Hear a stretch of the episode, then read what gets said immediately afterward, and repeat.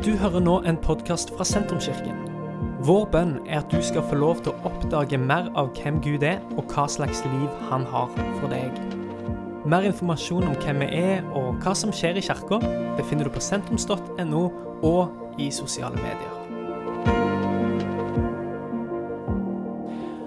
Og I dag så eh, skal jeg avslutte den serien som vi har hatt nå over Dette blir den fjerde søndagen. Eh, at Gud er far. Eh, og vi skal se på hva det betyr for oss For den som tror på Gud, men egentlig ikke bare for den som tror på Gud. Det betyr noe for oss alle sammen. Uavhengig av, av om en tror eller ikke. Hvem er Gud? Hvordan vi ser Gud, det eh, betyr mye for hvordan vi ser oss sjøl. Det er viktig for hvordan vi ser oss sjøl. Hvorfor? Fordi vi er skapt i Guds bilde. Det gjelder ikke bare den som tror på Gud, men alle mennesker. Absolutt alle mennesker er skapt i Guds bilde. Eh, det er en av de viktigste teologiske sannhetene. Det er kanskje vil jeg si, den viktigste teologiske sannheten i det som vi kaller for skapelsesteologi det som gjelder alle mennesker. Eh, og eh, menneskerettighetene, som eh, er, har oppstått litt sånn mystisk det, de, i vår generasjon De har sitt opphav det er det ikke så mange som har lyst til å snakke om i det sekulære Vesten, men de har sitt opphav i denne teologiske sannheten. Mennesket er skapt i Guds bilde. Derfor har alle mennesker sine rettigheter. Eh, og alle mennesker har sin verdi. Og alle mennesker er like verdifulle òg. Det, det, gir jo ikke mening. Er den hjemløse på gata like verdifulle som eh, sier Ellen Musk, som eh, kanskje gjennom sin livstid klarer å få mennesket til å etablere seg på Mars? Eh, er den hjemløse, som ikke har noe å bidra med, like verdifull som Elon Musk, som gir oss Tesla? Fornuften vår sier nei, for vi vil jo gjerne ha vår Tesla. Men eh, skapelsesteologien sier ja, for begge skapt i Guds bilde. Opphevelsen av slaveriet har sitt opphav i dette. Det vi glemmer når vi snakker om slaveri, det er at slave, det er akkurat som slaveri er noen ting som de plutselig fant opp nede i uh, sørstatene uh, i Amerika. på et eller annet tidspunkt. Nei, Slaveri har vært en del av mennesket sin måte å leve på av samfunnet til alle tider, egentlig helt fram til bare helt nå nylig. Hvorfor opphevdes slaveriet? På bakgrunn av dette at hvert et menneske er skapt i Guds bilde med en uendelig verdi, og det er ikke rett å eie et menneske. Livets ukrenkelighet er rotfesta i denne sannheten. På engelsk så sier han at det, 'life is sacred'. Livet er hellig. Denne tenkningen tar vi med oss fra eh, teologien inn, inn, i det sekulære. Menneskelivet er hellig. Du tar ikke et menneskeliv, for det tilhører Gud. Dette er enormt viktig for hvordan troende mennesker ser på abort. Hvorfor det? Jo, fordi menneskelivet er hellig. Og nå begynner menneskelivet. Det begynner med eksistensens begynnelse. Det blir ikke menneskeliv når vi føler for det, men et menneskeliv har et, en objektiv verdi uavhengig av hva vi føler. Fordi hvert eneste menneske er skapt, skapt i Guds bilde. Det samme gjelder i andre enden av livet. Og ikke avslutte livet til gamle, til syke og til de som er dypt deprimerte. Det gjør en ganske enkelt ikke ut ifra tanken at mennesket Ikke bare tanken, men ut ifra sannheten. At mennesket er skapt i Guds bilde og har uendelig verdi, og menneskelivet er hellig.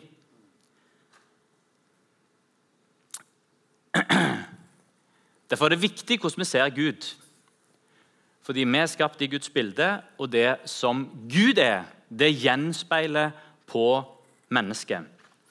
Og nå Denne måneden så snakker vi om at Gud er far. Jeg tror kanskje denne eh, måten å se Gud på former oss mer enn noen annen måte. Eh, noe annet bilde på Gud. Fordi det er så, det er så nært eh, og det er så praktisk. Og det sier noe om hvordan vi skal forholde oss til Gud. Og det sier òg noe om hvordan vi skal forholde oss til hverandre. Eh, og når en Og vi har jo, hvis jeg ikke Nå husker jeg kanskje feil, men eh, vi har sannsynligvis gjort det. Hvis vi ikke har gjort det i løpet av denne serien, så burde vi kanskje eh, ha snakket om den faren og den bortkomne sønnen. Nå tar, tar ikke jeg igjen det er sikkert ingen andre heller. Som, vi husker jo ikke det som vi snakker om etter han har gått ut døra.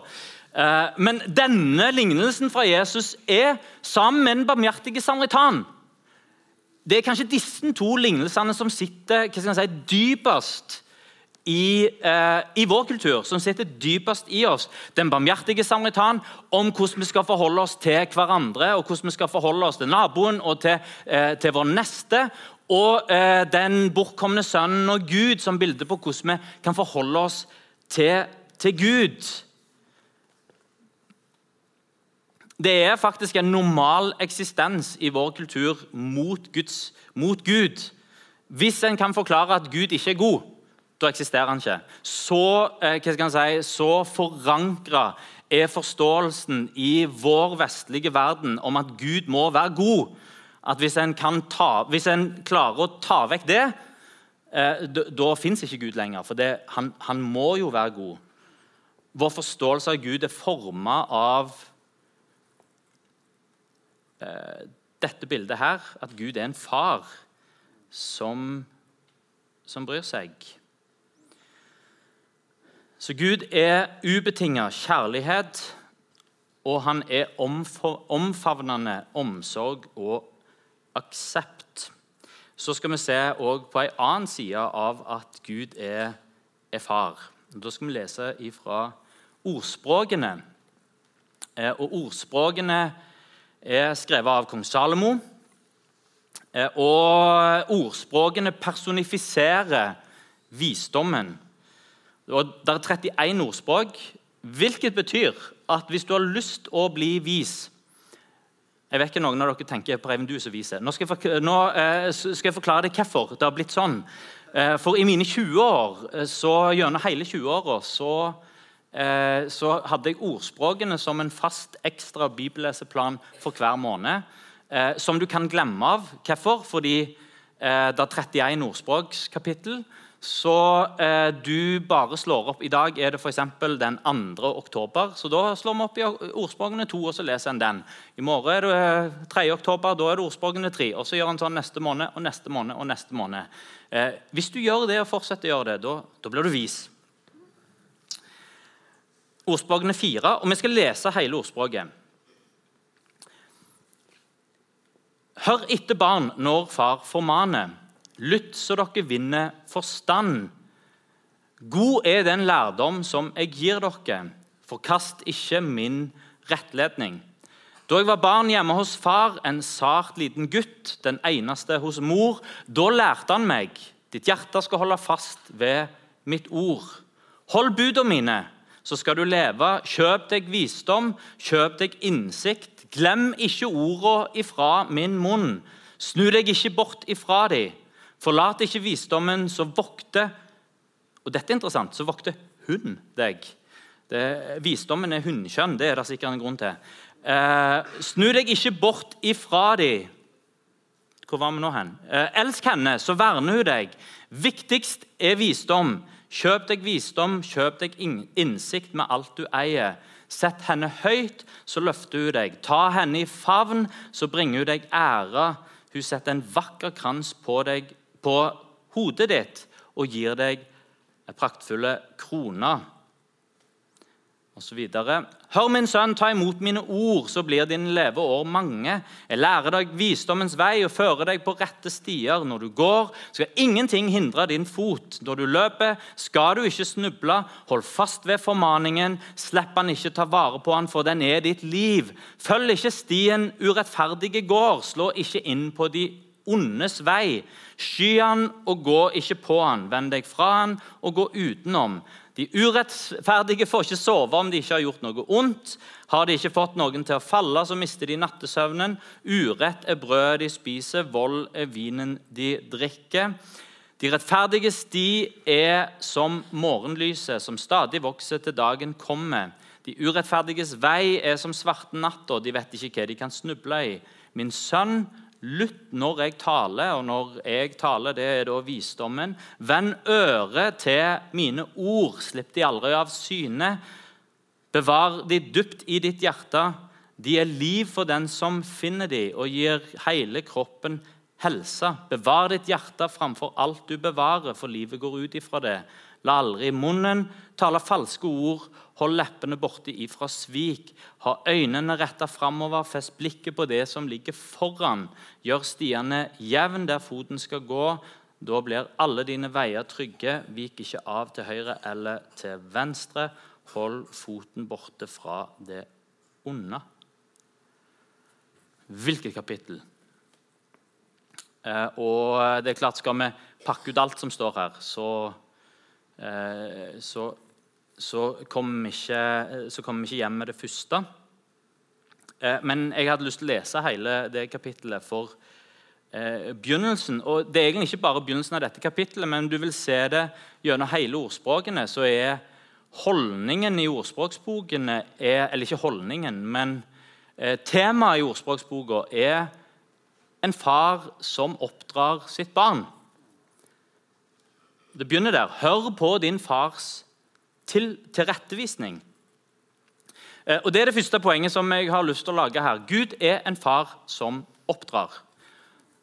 Det er jo det som står her òg. Eh, Han er ikke, ikke bare omsorg og omfavnelse og ubetinget kjærlighet.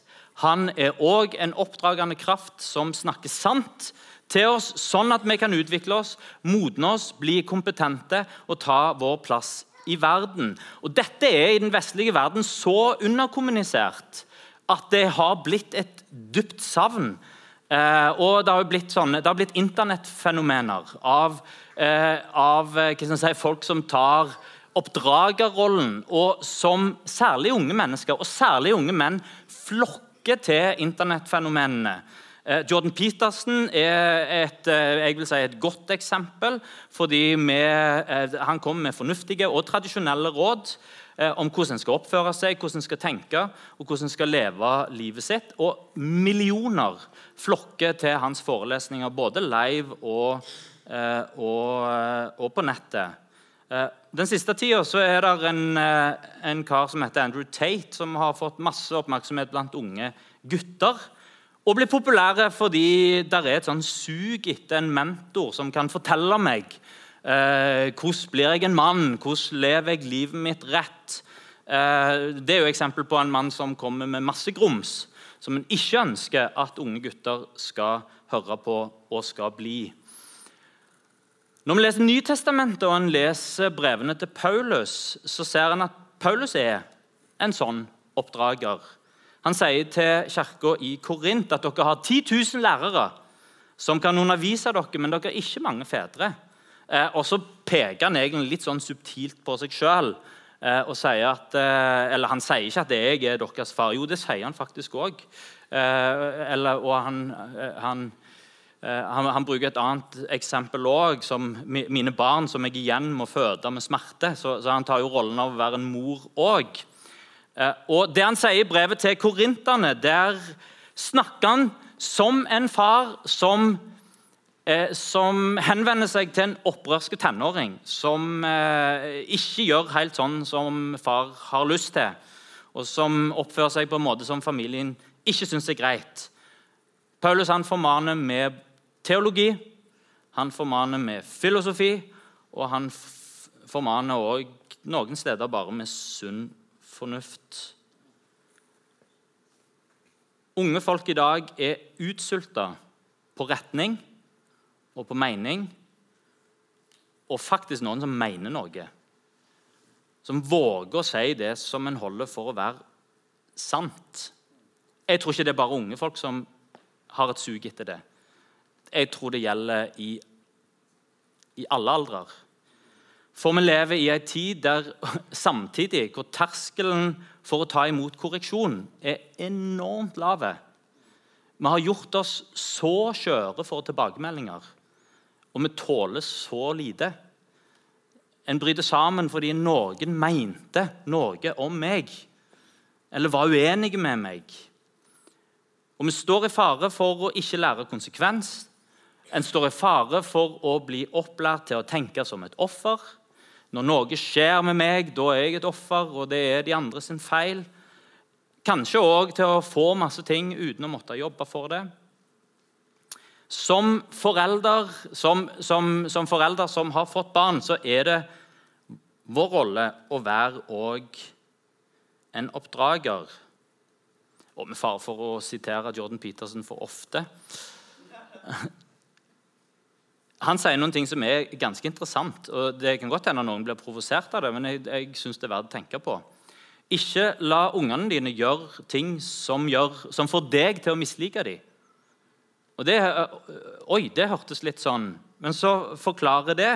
For det, hvis du som forelder misliker hvis det de gjør, gjør at du som forelder, som er den som elsker de ubetinga og ubegrensa og omfavner de og vil de det aller beste, hvis det gjør at du misliker de, tenk da på de som egentlig ikke har noen som helst investering i dine barn. Hva vil de tenke om dette? Med å hjelpe barna til å få styr på disse tingene, så hjelper en de faktisk til å manøvrere i verden.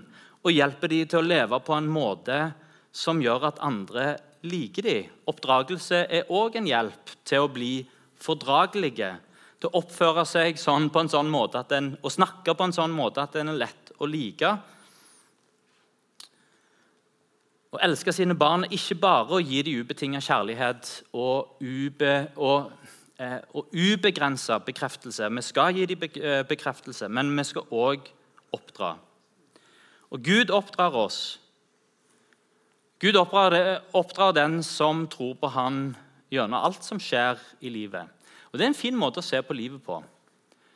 Eh, noe skjer, eh, godt eller ondt. Hva vil Gud lære meg gjennom dette? En går gjennom lidelse, og en går gjennom vonde ting. Og spør seg sjøl hva vil Gud lære meg i denne situasjonen. Eh, og så skal han bare ikke, Når en gjør det, så skal en bare ikke trø i fella og si at alt som skjer, er Guds vilje, og Gud påfører oss masse greier for at vi skal lære noe gjennom det. Eh, husk det, vi er ikke sånne eh, marionetter, sånn nikkedukker eller sånne eh, Hva er dette for noe? Det heter dukke, dukkemenner eller et eller annet sånt. Marionetter.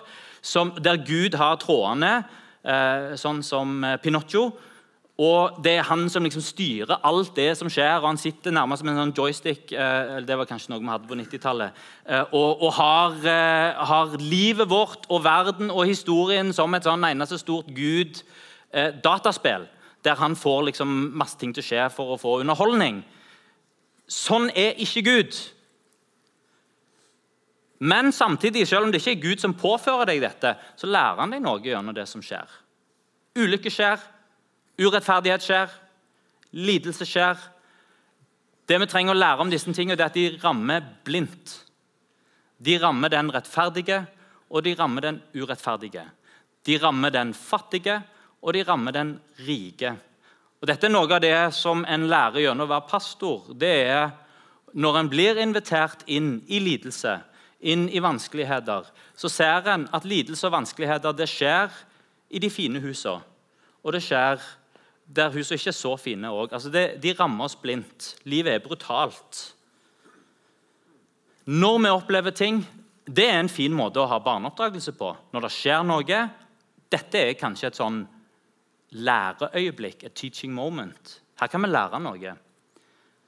Og Sånn kan vi ha det i forhold til Gud. Hva vil Gud lære meg gjennom det som skjer? For livet er brutalt, og det kreves robusthet og ryggrad for å navigere gjennom livet. Så er Kirka familie. Vi oppdrar òg hverandre. Paulus oppdrar kirka i Korint. Hva er rollen som de troende har overfor hverandre? For vi trenger det jo gjennom hele livet. Jeg gjør det iallfall. Jeg, jeg trenger, og dette, dette, er jo ikke åpenbaring for de fleste av dere. Jeg trenger fortsatt oppdragelse. Eh, jeg trenger fortsatt å speile, selv om jeg er 47 år gammel, å speile min egen eh, min egen måte å være på, speile det jeg gjør, speile det jeg sier. Og finne ut at det, ja, men jeg trenger jo å justere, jeg trenger å modnes, jeg trenger å vokse. Jeg trenger å bli en moden, voksen, troende mann som, som gjør det som en skal gjøre. Altså, det betyr ikke at vi skal ha den der irriterende holdningen at det, eh, en, en, går rundt med sånn Ja, jeg er liksom den voksne her som skal fortelle alle dere andre hvordan dere skal leve. Eh, og, og, det er min tjeneste i kirka, det er å gi tilbakemeldinger her og der. Pju, pju, pju. Ja, jeg ser det der, og wow, wow, wow. Eh, det, er ikke det. Dette trenger vi alle sammen. Og, eh, for eh, det er vanskelig å se hvordan du beveger deg når du ikke har speil. Vi trenger å være hverandres speil. Ikke holde igjen. Vær ærlige. Ikke vær redd for å støte. Bry oss. Hjelp andre til å se seg sjøl.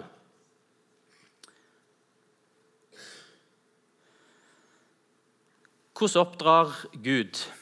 Eh, og Det som står i ordspråkene fire her, det har jeg brukt som å bruke eh, Det er en stund siden jeg har brukt det nå, men det er en av unnskyldningene mine for å fortsatt kjøpe altfor mye bøker. Eh, for det står her 'kjøp visdom og kjøp forstand'. Eh, og visdom og forstand det får du for bøker. Så derfor handler alltid en bok eller to. Det, det er god investering. Kjøp visdom, kjøp forstand. Hvordan oppdrar Gud sine? Gud oppdrar gjennom sannhet. Gud er beskrevet i Johannes 1 som nåde og sannhet. Jeg har tenkt mye på det Jeg har tenkt mye på det det siste året. Eh, og det, det, hvis du har vært innom her mer enn én en gang, så har du kanskje hørt det òg. Hva betyr det at Gud er nåde og sannhet? Det er to sider av samme mynten. I Jesus så får du begge deler. For Johannes 1 igjen, som sier at Jesus han viste Guds herlighet. Den herlighet, Han viste den herlighet han hadde fra sin far, full av nåde og sannhet. Når vi leser gjennom Jesus sitt liv, så Jesus er ikke redd for hva han sier. Det er fullt av sannhet. Samtidig så er han full av den nåde og omsorg som løfter deg opp, og som omfavner deg når du trenger det som mest. Som ikke støter deg vekk når du ikke får det til, men som drar deg tilbake, eh, som drar deg inn når du ikke får det til. Og som samtidig ikke er redd for å si det som er sant. Full av nåde og sannhet. Når han begynner å bevege seg inn på det som har med sannhet å gjøre, husk det at bibelsk sannhet er aldri hele uten bibelsk nåde. Det er en setning som er så god at den må jeg si en gang til. Nesten tvitrer den. Og, og bli, altså, bibelsk sannhet er ikke heil uten bibelsk nåde. Nåde uten sannhet er lovløshet. Sannhet uten nåde er loviskhet. Nåden tilgir deg og gir deg en ny start. Sannheten setter deg fri og gir deg mening. Nåden gir et nytt liv. Sannheten den setter retning for det nye livet. Og er de som er foreldre, og til foreldrerollen Nåden er den uforbeholdne, ufortjente kjærligheten som vi gir med et smil. Sannheten er oppdragende kjærligheten, som kan gjøre vondt, men som like fullt gir utvikling, retning, og som setter fri. I ordspråkene er sannheten beskrevet som en person, visdom. Og den har, I ordspråkene så har visdommen en type personlighet. I, her i kapittel 4 så står det, eh, så står, så står det beskrevet som ei dame, eh, som en hund Eh, og at eh, visdommen den roper på gatene. Samtidig så han bare, har han ikke bare en personlighet, men den er guddommelig. Gud er visdom. Gud er personifisert visdom. Den vise er den som har blitt eksponert for sannhet, og som har tatt imot sannhet. Idioten er den som aldri har blitt eksponert for sannhet, eller enda verre. Idioten eller dåren, som eh, ordspråkene kaller det for. Det er den som blir eksponert for sannheten, eller som, som har sannheten foran seg, men som istedenfor å plukke opp sannheten og ta den til seg, som velger å trø over sannheten og gjøre sin egen greie uansett. Og Så dukker sannheten opp igjen, og en velger å trø over sannheten. Eh, det er dåren. Mens den vise kjøper selvsagt visdom, den kjøper eh, både visdom og forstand eh, på bokbutikken og andre steder hvor den, hvor den kommer, og hvor den flasher deg i ansiktet. Gud snakker sant. Og, og, og, dette er et viktig poeng. Gud snakker sant for å gjøre deg vis.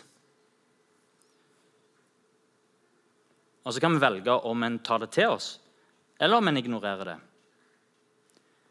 Hele Bibelen er sannhet. Og Gjennom å bli kjent med sannheten i Guds ord så blir en vis. Middelalderteologene de sa det vakkert. Vi studerer både Bibelen og vi studerer naturen. Og vi gjør begge deler for å finne sannhet. Og så sa de all sannhet er Guds sannhet. En far instruerer ungene sine i det som er sant. Det gjør de vise. Hjelper de å finne mening, finne retning. Og det hjelper til å sette de fri. Hvor mange ganger blir en ikke frista til å servere ei lita hvit løgn eh, for at noen skal føle seg bra, eh, for ikke støte, si noe som en egentlig ikke mener for å være snille. Gud gjør ikke det med oss, og jeg tror han oppmuntrer oss til heller ikke gjøre det med hverandre. I Efesene 4, 25 der står det om akkurat det samme i, i konteksten av å være en kirkefamilie. Ikke bare i konteksten av å være kirkefamilie, men i konteksten av å vokse og modnes som en troende. Efesene 4,25.: Legg derfor av løgnen og, og snakk sant til hverandre, for vi er hverandres lemmer. Å snakke sant med et annet menneske, det er kjærlighet.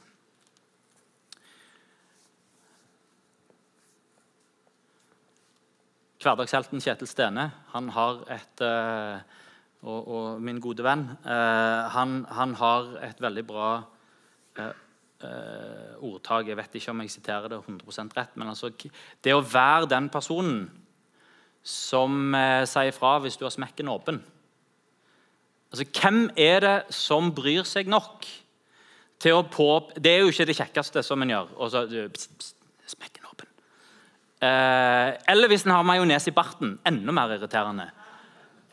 Hvem er, hvem er, glad nok i deg til å påpeke under et måltid der det er mange til stede, at du har majones i barten? Eller at smekken din er åpen? For Det enkleste for din egen del det er jo å bare humre litt i skjegget sjøl og kose seg litt over at noen dummer seg ut mens uh, det er majones som beveger seg, og lure på lukter han ikke den majonesen. Um, eller lure på hvor mange som vil oppdage at smekken er åpen. Nå er Det et veldig trivi det er trivielle eksempler, og det betyr ikke fryktelig mye. En overlever det og både uh, og, og ha hatt åpen smekk og ha majones i barten. Uh, men hva med den som står foran idiotiske livsvalg? Og som står i fare for å ta et skikkelig idiotisk livsvalg. Eh, hva når noen er i en utsatt posisjon uten egentlig å være klar over det sjøl? Når andre rundt ser noe som en ikke helt ser sjøl, hva da? Tenk på legen som ser naboen sin, og som har sett naboen i årevis, og som legger merke til nå når naboen har blitt litt eldre, at det er noe i måten naboen går på, som tilsier at mm, her er det noe som ikke er helt riktig. Eh, her er det kanskje begynnelsen på en sykdom som er ubehagelig, skikkelig ubehagelig for den naboen å få høre at den kanskje har. Ikke noe kjekt å gå og si ifra. Du, jeg lurer på om kanskje du har du tenkt på at sånn og sånn. Fordi en har ikke lyst til å være den som bryter inn i andre sitt liv. Men en sykdom som en òg vet hvis den oppdages litt tidlig og behandles litt tidlig, så kan det gå bedre mot avslutningen. Hva gjør du da? Trør du inn i privatsfæren til naboen? Kommer med din legevurdering, anbefaler undersøkelse, eller lar du naboen være i fred? Tenk at det, det, det vil ikke jeg bry meg med. Tenk hvis han blir såra, tenk hvis han blir lei seg. Tenk hvis han blir sur på meg, tenk hvis det får noe å si for naboforholdet vårt. Tenk hvis, ikke, tenk hvis jeg tar feil. Eh, ødelegger det forholdet vårt. Ikke mitt ansvar.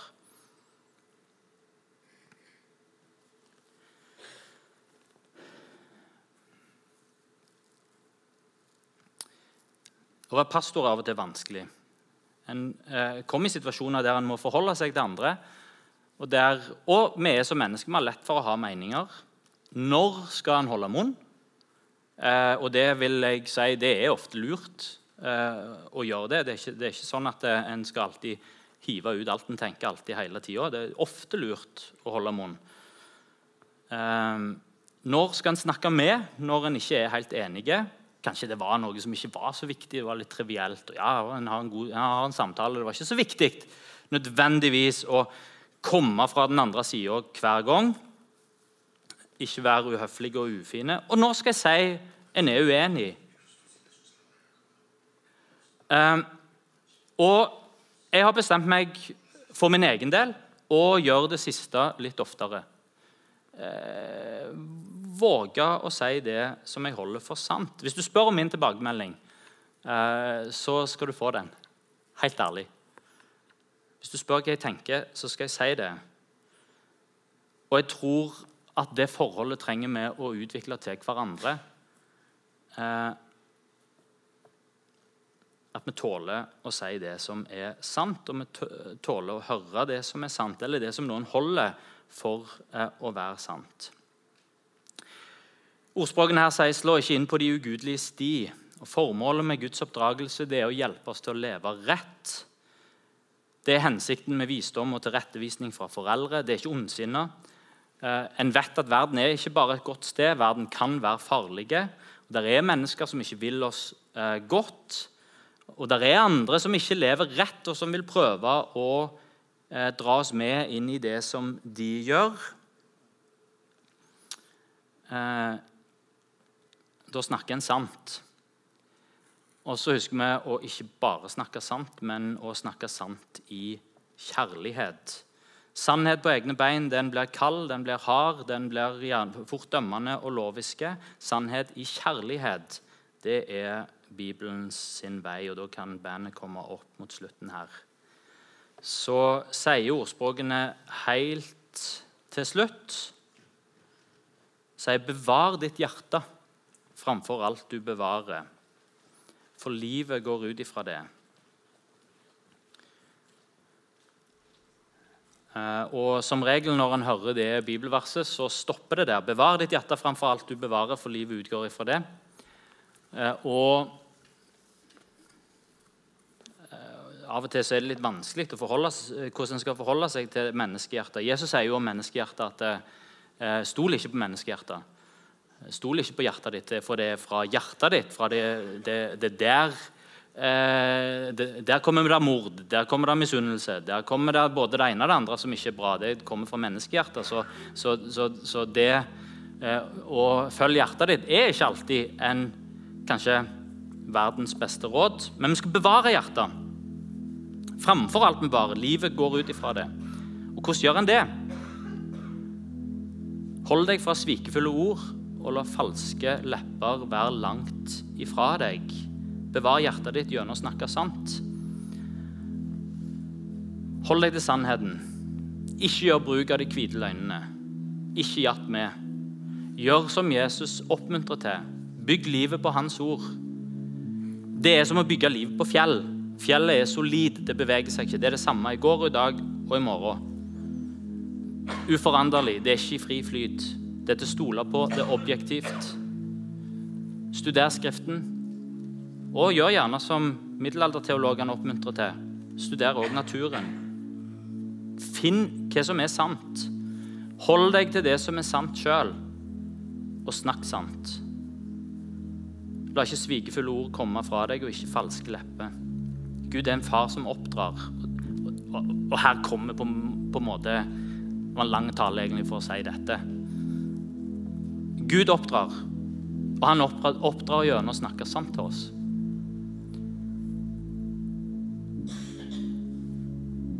Og vi kan ta imot hans sannhet for vår egen del. Det trenger vi. Som nye kristne, som, som gamle kristne, i alle aldrer. Trenger å modnes og vokse, bli speila.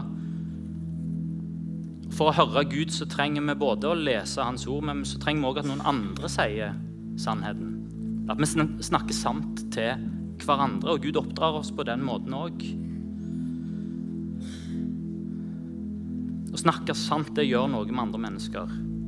Det gjør noe for de som har familie, det gjør noe med ungene og søsken. Det gjør noe med medmenneskene det våre, det gjør noe med vennene våre, og det gjør noe med deg. Og den som snakker sant, bevarer hjertet sitt. Ta imot sannhet fra Gud, ta imot sannhet fra andre, og gi sannhet videre til de rundt deg. Kan vi reise oss?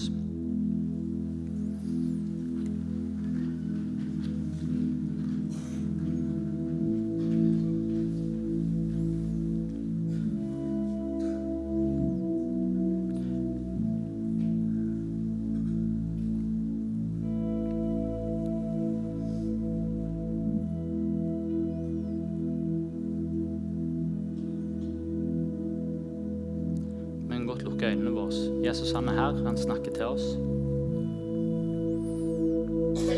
Skal vi be sammen.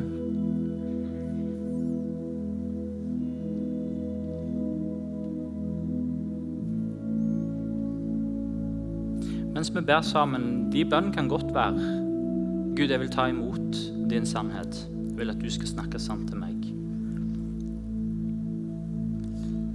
Og jeg vil ta imot Vår respons på dette budskapet kan òg være jeg vil velge å snakke sant. Med familien min og med vennene mine og med de i menigheten. Ha beina mine planta på det som er sant, og si det som er sant. Det kan være de bønn mens vi ber sammen.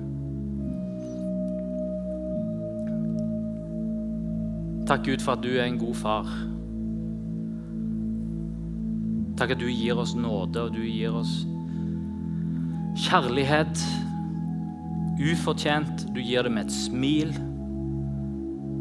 Takk, Herre, at du tar imot oss, du omfavner oss, Herre Jesus. Du kommer oss i møte, Herre. Takk at du tar imot oss både når vi har gjort oss fortjent til det, og når vi ikke har gjort oss fortjent til det. Takk at din kjærlighet den er uendelige. Din omsorg er uendelig. Din godhet er uendelig. Takk at du er bare god. Takk at det er sant om deg. Jeg ber om at vi skal få erfare din nåde og kjærlighet og omsorg. Takk, Gud, at du òg er en far som snakker sant til oss. Som vil oss det beste i livet, som vil at vi skal lykkes. Som ønsker at vi ikke bare skal manøvrere gjennom livet, men at en skal være med å sette et fotavtrykk på denne verden. Ha betydning for andre. Bygge et liv som Som gjør et inntrykk, og som betyr noe i historien. Herre, vi ønsker å ta imot det som du sier til oss. Takk at ditt ord det ikke bare er sant, men det gir mening. Det gir noe å leve for. Det setter oss fri, Herre. Det setter retning for livet. Takk at du gir det til oss.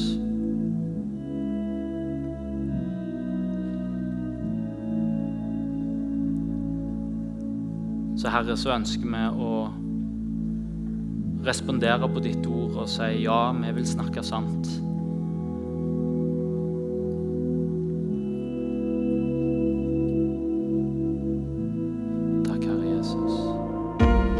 Er slutten på denne podkastepisoden. Har du spørsmål om Jesus, om tro, om livet, så er du hjertelig velkommen til å ta kontakt med oss via sentrums.no.